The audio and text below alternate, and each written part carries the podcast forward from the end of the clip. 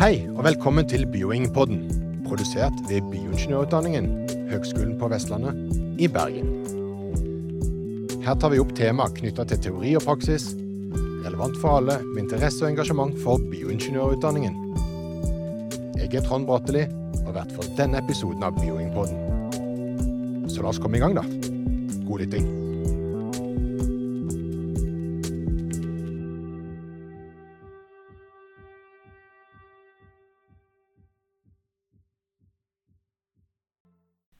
I denne episoden av Bioing-podden er tema spektrofotometri.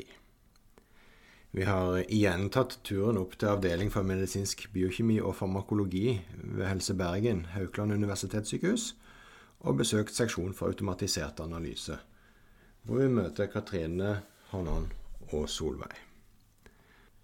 Spektrofotometri det er jo en sentral metode som kommer igjen i mange analyser. Og eh, først så kan vi jo gå litt igjennom hva er egentlig prinsippene for spektrofotometri. Ja, jeg kan jo først si litt om hva spektrofotometri er. Eh, det er jo måling av en reaksjonsblanding, så man kan bestemme et absorbans til en analytt. Og dermed kan vi beregne en konsentrasjon av det analyttet eh, i ulike sånn absorpsjonsnivåer. Og vi bruker jo det til klinisk-kjemisk analyse hos oss. Eh, da har vi det som vi kaller C-modulen. Der kjører vi Da er spektrofotometri der. Det har vel litt eh, forskjellig ut fra analyse, ja. men vi har f.eks. Eh, enzymer. ja. Eh, ja. Eh, ASAT og ALAT er sikkert godt kjent fra Ja. skolebenken. Eh, ja, hva annet er det vi har? Kommer på det? eller? Mm, Kreatinin, nyreenzymer, vi kjører nyreenzymer, leverenzymer Nei, nyreanalyse. Eh, lever eh, Ja. Eh, ja, det er jo egentlig ganske Det er, mye plutselig, Ja. da. Men eh, ja, glukose og det, det er um, flere analyser vi kjører på de metodene. Eh, bilirubin, ikke minst, som er en em, ja, ren em, fargemetode, f.eks. Mm. Ja, Bilirubin det er jo en sentral del av laboratoriekurset til studentene ved HVL, iallfall. På Ja. bioingeniørutdanningen der. Så de har en egen, eh, et eget kurs, Ja. vi bare, eller en labdag, da, hvor vi kun jobber med bilirubin.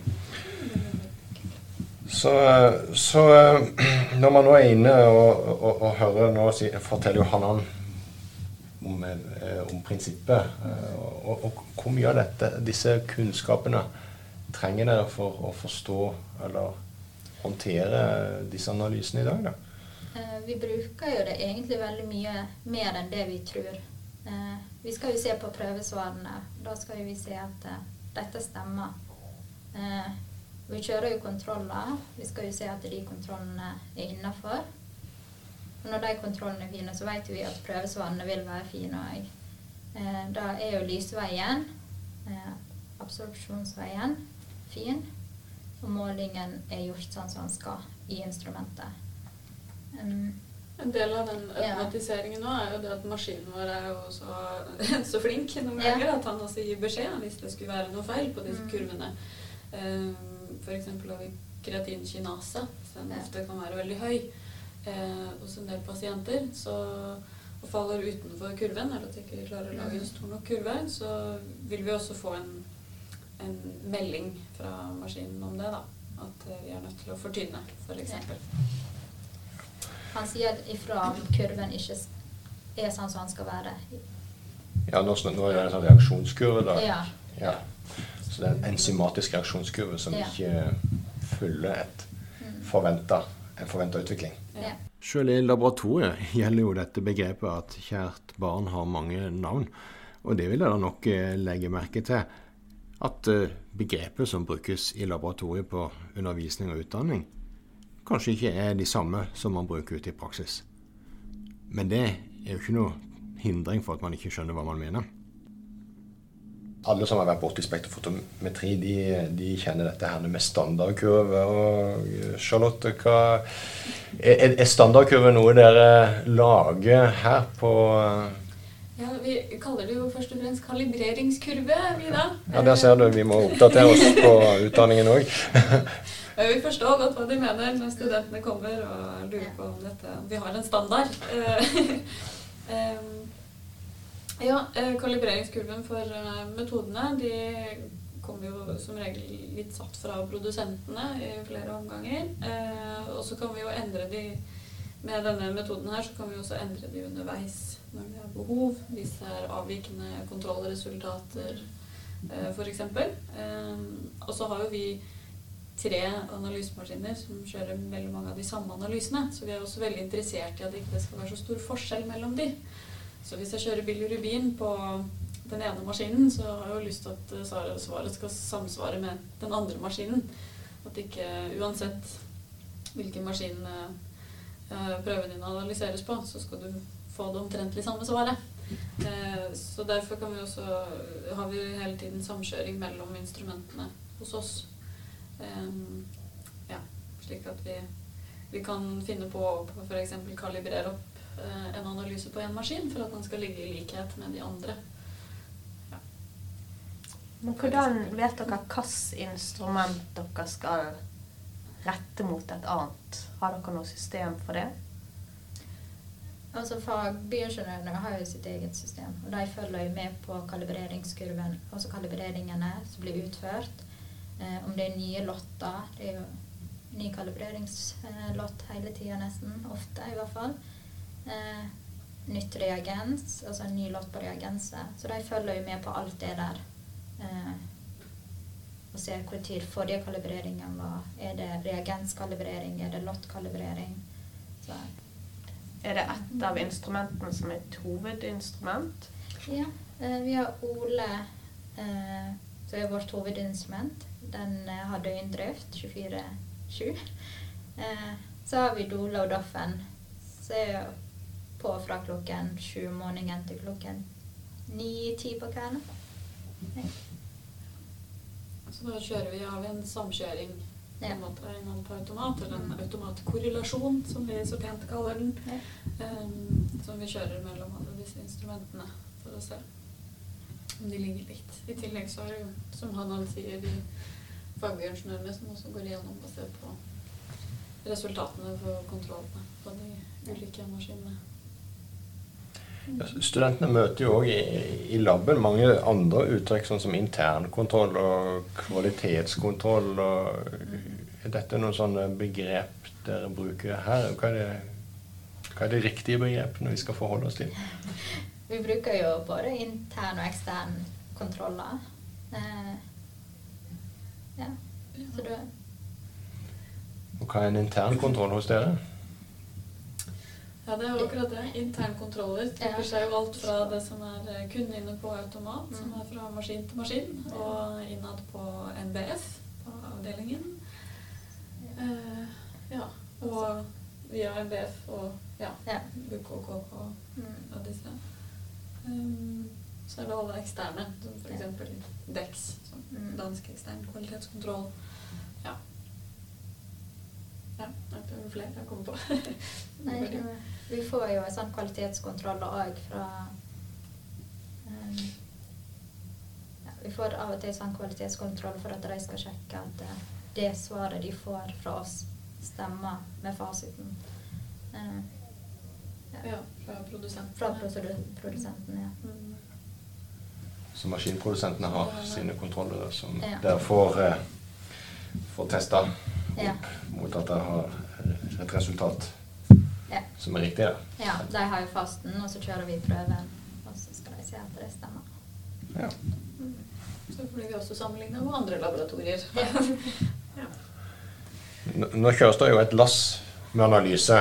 Eh, Vi hørte jo i den andre podkasten om automatisering, så var det vel Jeg husker ikke hvor mange tusen det var. var det 3000 per Tre- dag. 3000 per dag, ja. Ja. Det, det hadde vært mye pipittering for en stakkar hvis det ikke hadde vært automatisert. Um, men eh, nå, nå er det jo spektrofotometri da, vi, vi har fokus på her. da, og, og Hva er det de vanligste feilmeldingene, flagg eller alarmer, der får opp på, på spektro, de spektrofotometriske analysene?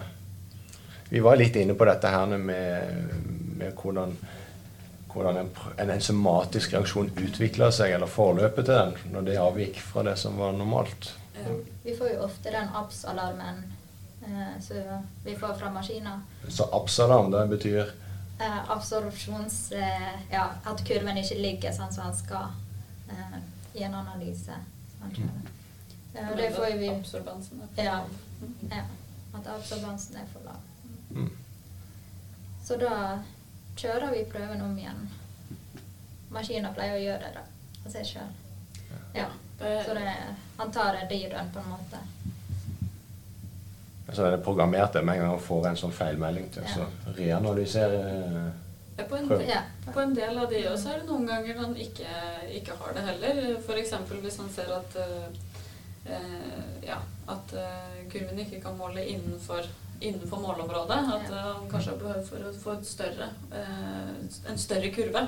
Så hvis vi skulle lage den på dette millimeterpapiret, så hadde det ikke holdt med å ta fire ark. Vi måtte kanskje ha 50 liksom, for å lage en stor nok kurve, og at han trenger en, en eh, fortynning.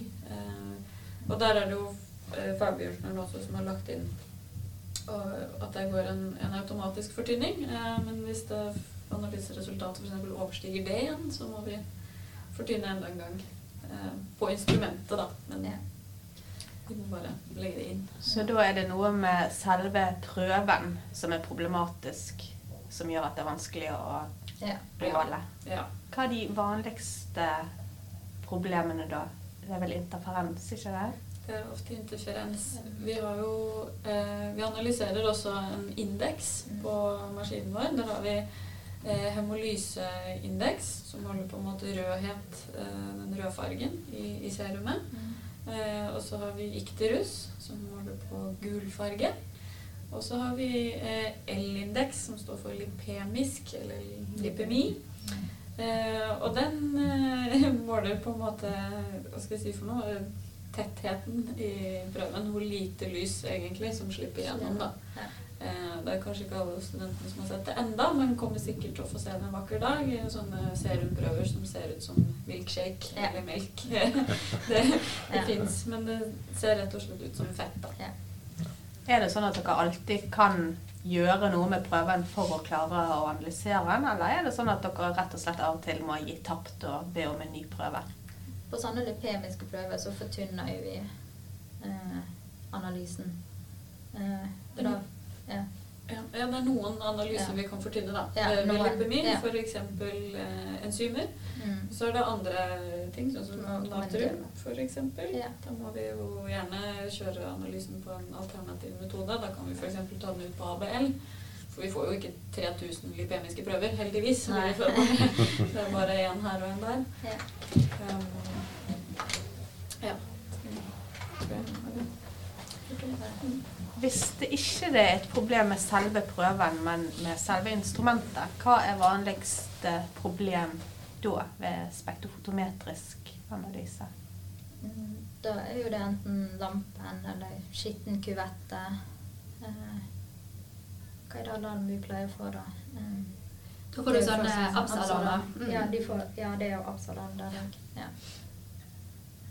Han måler jo, jeg vet ikke hva dere har sagt, men han måler jo eh, en mann blank for alle kuvettene. Mm. At han måler at de er rene, så han sender på en måte lyset gjennom og måler at absorbansen er null. Og hvis det da er skitne kvetter som gjør at han måler en absorbanse, så vil du få feilmeldinger.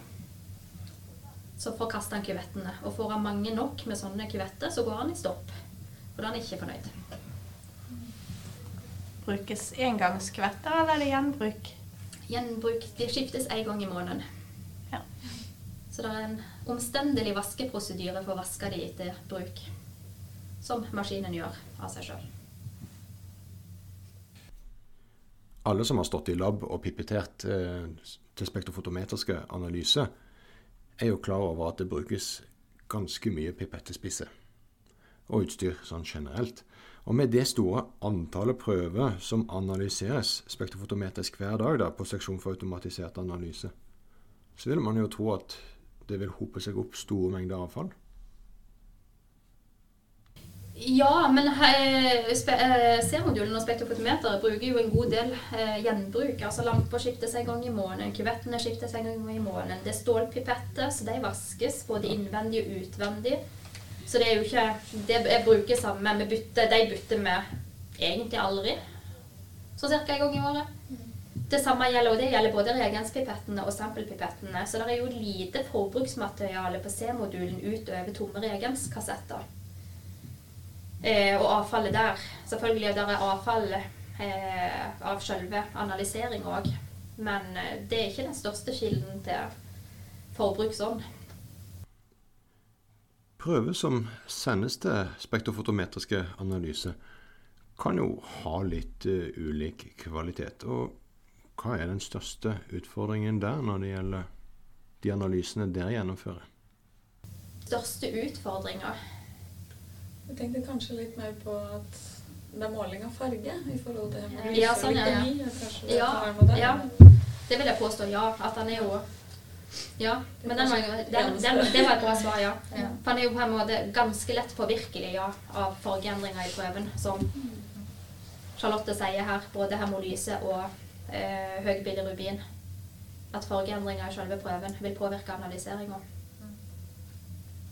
Hvor det med andre metoder kanskje kunne Ja. vært gjennomført. Ja. Bra svar.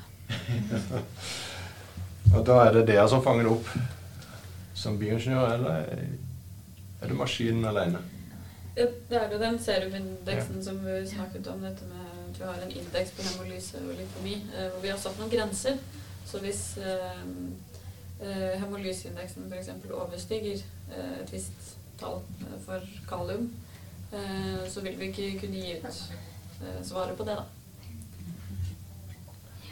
Og her er vi igjen på automatisering, og at vi ikke bare bioingeniører, men litt sånn IT. At vi prøver å tenke litt løsninger som kan automatiseres IT-messig sett òg. For når jeg begynte å jobbe her for, ja, i 2008 nede i, Da hadde, var laboratoriet i, ikke i denne laboratoriebygget som dette, men i sentralblokka. Da kjørte vi serumindekser på analyseinstrumentene, men vi gjorde det ikke på alle prøvene. Sånn at vi så på serumet til hver eneste prøve. Hvis vi trodde at da han hadde nådde grenseverdien som vi har satt på kalium, så måtte vi bestille en egen serumindeks på han. Og da var det litt sånn tipping, holdt jeg på å si. Tror jeg denne rørfargen er nok til at jeg ikke kan analysere kalium, eller tror jeg ikke den er nok? Og da det vi gjorde da, var at Hvis vi trykte den var høy nok, så kjørte vi en såkalt serumdeks. Måler da den hemolyseverdien. Hvis den var over, så måtte jeg da inn i dataprogrammet sjøl og legge inn kommentar om at den kan ikke utføres pga. hemolyse. I dag er det veldig greit. Vi kjører det på absolutt alle prøvene. Den hemolyseindeksen, uavhengig. Har han da en verdi som overstiger det vi satser grense, så er det en automatisk kommentar som kommer i labdatasystemet som sier at kan ikke utføres. Så går det ut rekvirenten. Så vi trenger ikke se prøven engang i dag i den forstand. Analyserer dere andre materialer enn serum?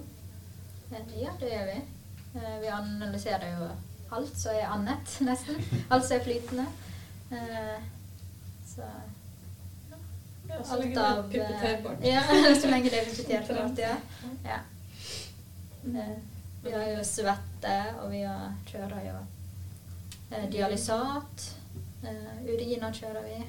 Spinalvæske. Spinalvæske.